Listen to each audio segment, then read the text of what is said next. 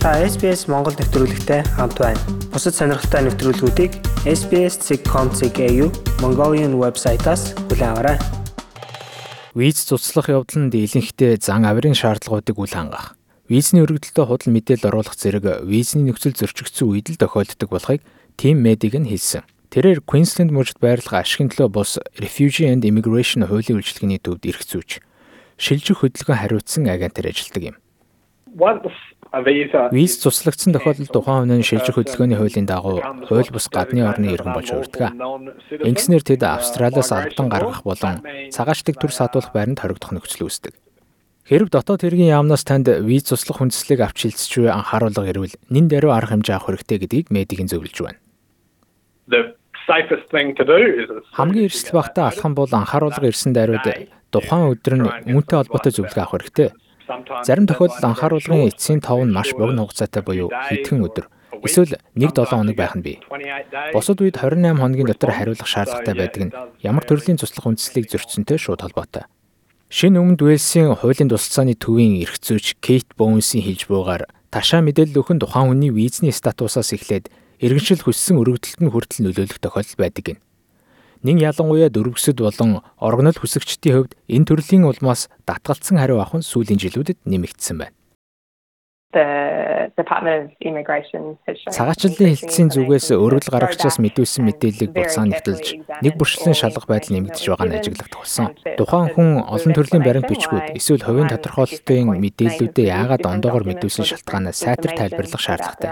Тухайлбал зарим шаардлагатай баримт бичгүүдээ гээсэн. Эсвүүгээс тухайн орнд биеийн байцаалт нь төдийлөн шаардлагагүй байдаг болон соёлын хувьд төрсэн он сар өдөр чухал ач холбогдол өгдөггүй бол түүнийгээ тайлбарлах хэрэгтэй. Орогнол хүсэгчд болон дөрвөсдөд хуулийн зөвлөгөө давхар үзүүлдэг их сургуулийн дэргэдэх нийгмийн шударга осны клиникийн үүсгэн байгуулагч гүйцэтгэх захирал доктор Даниэл Гезелбашийн хэлж байгаагаар 12 сар эсвэл түүнээс дээш хугацаагаар хорих ял онооход тухайн хүн ялаа эдэлсэн эсгээс үл хамаарч автоматар виз цуцлах үндэслэл болдог байна. Энэ тохиолдолд виз шууд цуцлагддаг. Виза дахин сэргийлэхийн тулд асуудал эрхэлсэн сайд шууд хамтгаас өөр энэ шийдвэрийг дав залдах ямар ч боломж байхгүй. Энэ бүх хугацаанд тэд цагаачлалын тусгаарлах байранд байх ба манай зарим үйлчлүүлэгчдийн хувьд энэ бүх үйл явц бүтэн 2 жилийн хугацаанд үргэлжилсэн тохиолдолж бий. Зарим гэр бүлийн хүчирхийллийн хохирогчдын хувьд тухайн хамтран амьдрагч нь тэдний визийг цуцлуулна гэж санал хийх явдал гардаг байна. Гэвч тэдэнд хуулийн хүрээнд ямар ч тийм эрх мэдэл байхгүй гэдгийг Кейт Боунс хэлж байлаа if somebody has needed to leave. Хэрэг төр хугацааны дагалдан визээр оршин суугаа иргэн гэр бүлийн хүчирхийллийн золиос болж буй улмаас хамтрагчаас салах шаардлагатай тохиолдол гарвал цагаачлалын хилцэх хохирогчийн визийг зуслахгүй байх шаардлагатай. Мэдээж энэ тохиолдолд өөрийн нөхцөл байдлын талаар цагаачлалын хилцэд мэдээлсэн байх нь чухал юм. Виз цуцалсан шийдвэрийн эсрэг ямар арга хэмжээ авах нь цуцалсан шалтгаанаас улбаалж янз бүр байдаг аж. Визэ шилжих хөдөлгөөний тухай хуулийн 501-р хэсгийг үндэслэн цуслуулсан иргэдийн хувьд ихэнхдээ AAT буюу захиргааны давжаалдах шүүхэд өргөдөл гарах хэрэгтэй байдаг гэдгийг доктор Гизелбаш хэлсэн юм. Энэ нь үндсэндээ сайд бүх баримттай танилцсны эцэст виз цуцлах нь зүйтэй байсан эсгийг шийдэгтэй адил бөгөөд сайдын оронд олон тооны хараат бус гишүүдийг оролцуулж байгаа л гэсэн үг юм. Сонголтоор эсвэл автоматар цуцлсан аль аль тохиолдолд тэр. Мөн танд шүүхээр хянуулах сонголт бий. Гэвч таны визийг цуцлах шийдвэрт хуулийн алдаа байсан эсгийг тодорхойлох нь өөрөө маш цөөн тохиолддог зүйл юм. Захиргааны дав заалдах шүүхийн гишүүдийн 50 гаруй шийдвэрт хийсэн дүн шинжилгээгээр шийдвэр гаргаж буй хүнээс хамаарч виз цуцласан шийдвэр өөрчлөгдөх боломж өндөр болохыг доктор Гизелбаш хэллээ. Дөрвөсдийн талд хизээ шийдвэр гаргадаггүй хоёр хүн байхад бус нь эсэргээрээ буюу эрэг шийдвэр гаргах нь бий. Шүүх бүрэлдэхүүний 86% нь эргээр санал өгсөн хамгийн өндөр үзүүлэлт байсан. Гишүүдийн хувьд ерөнхийдөө тодорхой орон, тодорхой нэхэмжлийн төрлүүдэд тусгаалan анхаардаг. Гэвч энэ маш том зүрх юм.